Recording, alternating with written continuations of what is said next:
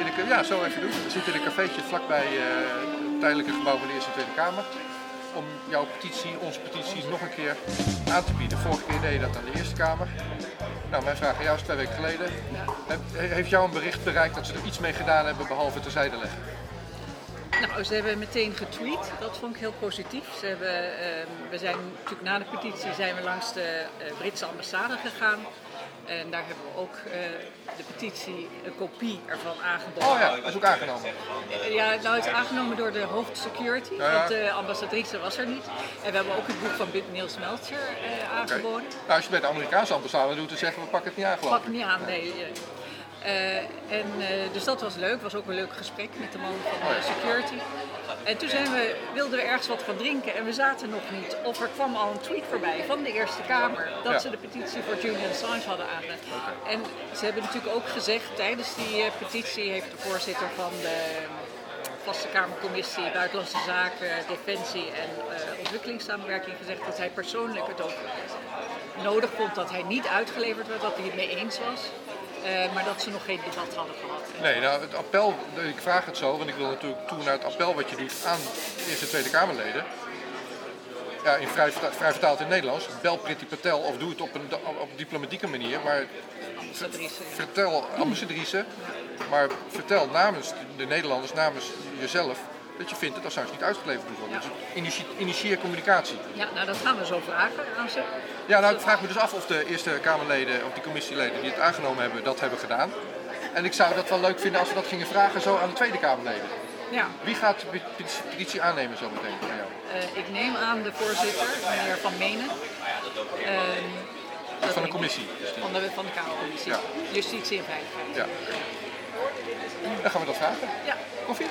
Koffie. Ik kom naar je toe met de Oké, okay, dan heet ik jullie van harte welkom bij deze petitieaanbieding. Die mevrouw Le Pen straks gaat doen. Uh, wij zijn hier met z'n drieën aanwezig uh, namens de commissie. Uh, meneer Dassen van Volt, meneer Van Meijeren van Forum voor Democratie. Ik ben Jasper van Dijk van de SP. En ik geef u het woord om in enige minuut een toelichting te geven. En dan kunnen we iets in ontvangst nemen. Ja, gaat u gang. Hart... Goedemiddag allemaal, hartelijk dank dat u... Uh, dat u de petitie um, voor de vrijlating en tegen de uitlevering van Julian Assange in ontvangst wil nemen. Uh, de petitie is ondertekend door meer dan 1360 mensen, uh, waarvan er hier een aantal staan. Om te beginnen Rico Brouwer, muzikus, journalist en eigenaar van podcastkanaal Podkaars. Willem Engel, eigen, of, um, hoofd viruswaarheid, journalist en, en actievoerder. Doreen, zijn vriendin, ook actievoerder, journaliste in vrije tijd en professioneel filmmaker. Rachel Rietdijk, supporter van Assange. Madeleine Klinkhamer, medeoprichter van de Andere Krant. Uh, Bertie Kastelein, ook supporter voor Assange. En Erik van der Beek, uh, onderzoeksjournalist en Nederlands expert inmiddels van MH17. ik bied en een journalist uit Groningen. En een journalist uit Groningen helemaal. um, ja, ik bied u, meneer Van Dijk, namens uh, allemaal de petitie aan. En ter onderbouwing van de petitie uh, bied ik u ook het, um, of jullie allemaal, de, de Trial of Julian Assange aan van Niels Meltzer. Die overhandig ik nog maar even aan u. Ik weet dat we geen cadeaus mogen geven. Het is dus ook geen cadeau. Het is een onderbouwing van de petitie, omdat de zaak van Assange is zo gecompliceerd en uh, zit zo vol met leugens, framing en andere rare dingen dat het moeilijk hier een paar minuten is uit te leggen. Dat boek uh, ligt het toe. Uh, Niels Meltzer heeft onderzoek gedaan, spreekt zelf ook Zweeds. Heeft alle WOP-verzoeken in het Engels, Zweeds, alle talen zelf onderzocht. En u kunt daarin lezen dat de aanklacht van verkrachting en aanranding gebaseerd was op een leugen. Er was nooit een aanklacht van verkrachting. De aanklacht dat Assange uh, aanzet zou hebben gegeven tot hacking, is gebaseerd op een getuigenis van een man uh, met pedofiele uh, neigingen die in ruil voor geen gevangenisstraf uh, zich geïntegreerd heeft in, in Wikileaks en die getuigenis heeft afgelegd. En zo staat het boek vol met bewijzen van dat er eigenlijk niks tegen Assange is, behalve dat hij journalistieke praktijken heeft gedaan. Hij heeft dus informatie van klokkenluiders gezet op een platform en informatie van klokkenluiders publiceren is iets wat alle journalisten, goede journalisten doen. Um, het is misschien goed om even uit te leggen waar de zaak nu is. De rechtszaken zijn geweest. De verlopen, er zijn nog wel beroepen mogelijk. Maar nu ligt de zaak bij Priti Patel, Home Secretary van het Verenigd Koninkrijk. En um, de rechters hebben besloten dat Assange weliswaar uh, fragiel is, maar vanwege de garanties van de VS toch uitgeleverd mag worden. Nou, dat is heel bedenkelijk, want de garanties van de VS hebben tot nu toe nog nooit zijn niet nagekomen hè, bij andere gevangenen. Dus dat Julian Assange onder humane omstandigheden gevangen zou houden, uh, gehouden zou worden, is bedenkelijk. Bovendien heeft um, Amerika meerdere plannen gemaakt in het verleden om Assange te vermoorden. Ofwel door schuip, uh, sluipschutters, ofwel vergiftiging of ontvoering. Dus om hem uit te leveren aan een land die dat van plan is, is heel bedenkelijk. En sinds vorige week weten we ook, maar ook eerder van de rechter, maar sinds vorige week weten we ook van Priti Patel dat zij in een netwerk zit met CIA, MI16 en dat zij bewerkt wordt om de agenda te doen van zeg maar de empire. Ze zijn erg tevreden over haar, dus dat um, belooft niet veel goeds voor de uitspraak die zij zal doen. En we hopen dat u daarom bij uw collega's of bij in ieder geval de ambassadrice in Nederland um, haar eraan wil herinneren dat de treaty die de Verenigd Koninkrijk heeft met de Verenigde Staten, dat artikel 4 zegt dat politieke gevangenen niet mogen worden uitgeleverd. En zij hebben zich alleen maar te houden aan hun eigen treaty. Het is niet zo gecompliceerd. Um, dus we hopen dat u dat wilt doen. En dan wil ik als slot nog even herinneren waarom Wikileaks was opgericht. Um, toen de boekdrukkunst werd in, uh, ontdekt, zeg maar, toen uh, gaf dat burgers de, de mogelijkheid om bronnen zelf te onderzoeken. Wat voorheen door dominees of pausen of zo werd verkondigd, um, moesten ze maar aannemen. Maar nu kon dus de burgerij zelf in de Bijbel lezen of in wetenschappelijke dingen lezen hoe dingen zaten en kon hun eigen oordeel vormen. Julian Assange wilde dat voor de journalistiek. Die zag dat de media steeds meer overgenomen werd door een paar rijke mensen, maar vooral ook door inlichtingendiensten. En vooral na uh, 2001, hè, na 9-11, werd alles steeds meer geheim en werd informatie steeds meer weggehouden van de burger. En hij dacht, als ik nou een platform maak waar documenten komen, dan kunnen mensen naar de bron, kunnen zelf hun oordeel vormen. En hij vertrouwde de burgers toe dat ze dat konden. Dat dat, dat dat de democratie is. Dat mensen zullen niet allemaal hetzelfde concluderen, maar dat balanceert de overheid. En dat maakt een democratie. Dus hij had hele nobele ideeën. En voordat Wikileaks begon, werden ze al overstroomd door klokkenluidersmateriaal. Uh, er waren een heleboel mensen die uit gewetensconflict in hun werk um, dat op het werk niet opgelost kregen en dus maar die documenten gaven. Dus Wikileaks is niet, zoals wordt afgeschilderd, een spionagenetwerk. Het is een platform zodat mensen kunnen zien wat hun overheden doen in hun naam. Ik dank u hartelijk duidelijk verhaal. Ik heb nog wel een vraag. En als anderen dat hebben, kan dat ook.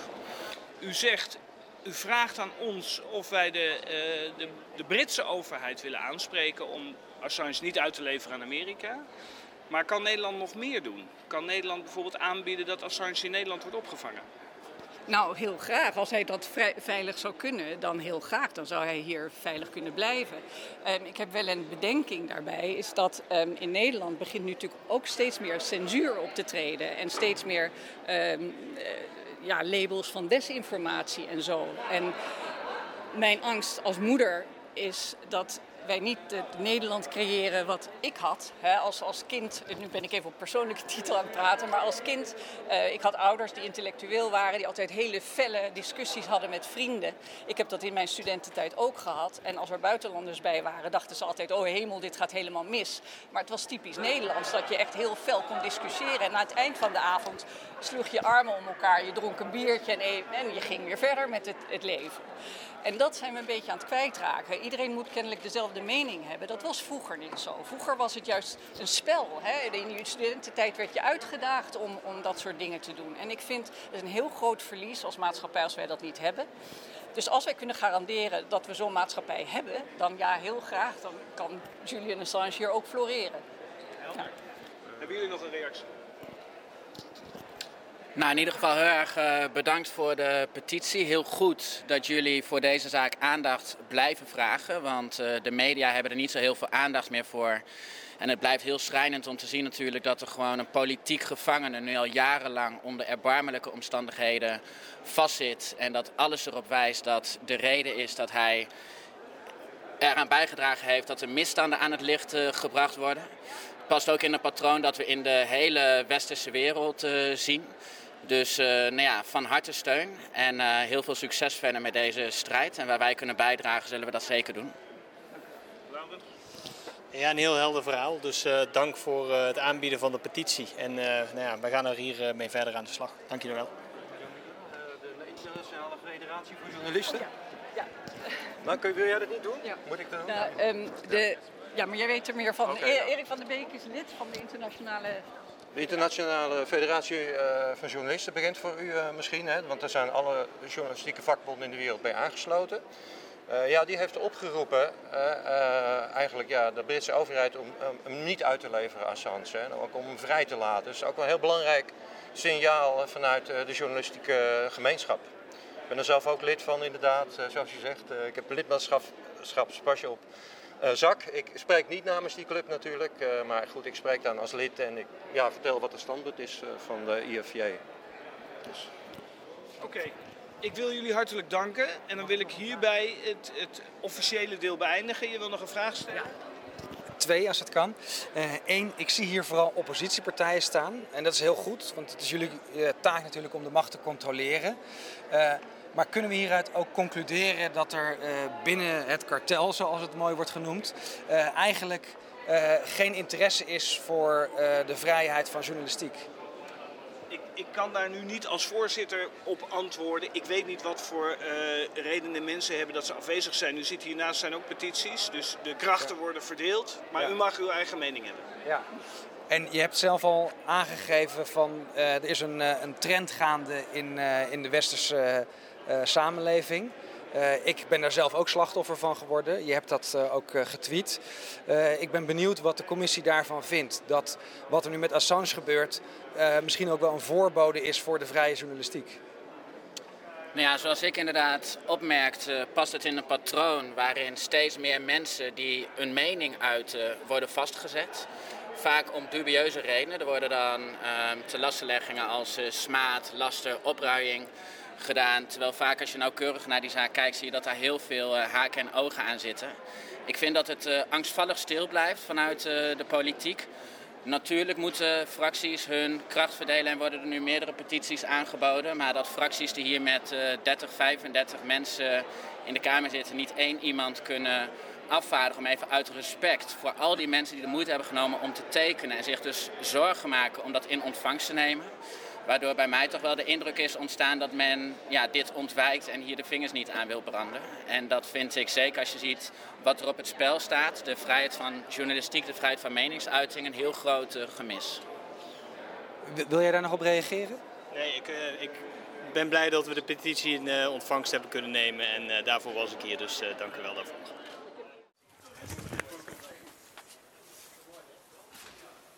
Dankjewel. Ik zou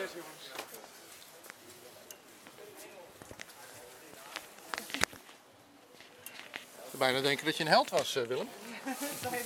Wat gebeurde daar nou? Mooi. Ja, dat is wel leuk om te zien. Ken- kennelijk bereiken we de jeugd toch? Ik eh, was net binnen en er was een eh, politici, politicus van een oppositiepartij die zijn securitypasje had laten liggen. En eh, dat was een grapje. Hij, hij- hij kwam er net op tijd achter, want we hadden hem natuurlijk eh, in allerlei poortjes willen nou ja, ik, ik kan me voorstellen dat hij reageerde wat zenuwachtig mijn pasje. Ik zag hem kijken, ik, nou, die is hier. Had het ermee te maken dat hij zenuwachtig was dat Willem Engel er vlak naast stond, denk je? Dat weet ik niet. Misschien krijgt hij een standje als hij zijn pasje kwijt is. In ieder geval, we waren hier binnen in het gebouw van de Tweede Kamer om een petitie in te leveren aan de Tweede Kamer. Twee weken geleden deden we dat bij de Eerste Kamer. Waarin eh, we Neder- we Nederlanders eh, eh, ja, het bevoegd gezag oproepen om... eh, loopt er ondertussen van alles in en uit. Tweede Kamer, hè. Iedereen komt hier langs, hè. het is een soort café. Twee weken geleden waren we bij de Eerste Kamer, hebben we de petitie aangeboden. En ik vroeg eh, net aan Jamila, wat denk je nou dat ermee gebeurt? Gaat dat op een tafeltje of in de prullenbak? Ehm, of gaan ze er echt mee naar de ambassadeur of naar Priti Patel? Nou, mijn vraag aan jou. We hebben het nu aangeboden eh, aan eh, Tweede Kamerleden. Gideon van Meijeren onder andere. Eh, ik ken de namen niet, maar van de SP en van Volt waren er ook. Gaan ze ermee doen? Ehm, nou, ik hoop dat ze er wat mee gaan doen. Eh, mijn reactie, of de reactie eigenlijk van de Eerste Kamer was vrij positief. Die hebben er zelf over getweet. Uh, en dat schept verwachtingen, dus dat, dat ze er iets mee gaan doen. Dit was natuurlijk de commissie van de Tweede Kamer. Dat is eigenlijk uh, de juiste plek. Die doen dingen. Die doen dingen. In de communicatie naar buiten. Ja, ja, precies.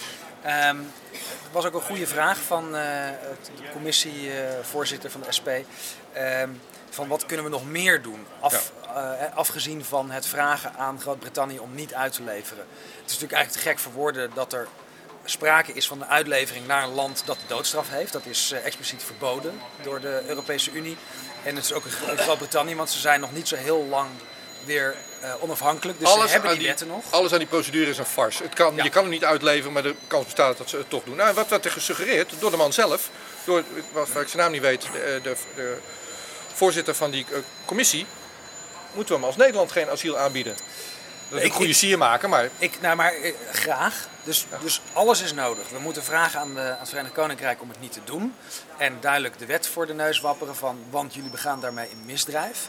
Uh, aan de Verenigde Staten laten weten dat dit soort uh, fratsen onacceptabel zijn. En daarmee moeten we denk ik ook uh, de bilaterale verhoudingen herzien. En misschien bepaalde verdragen opzeggen.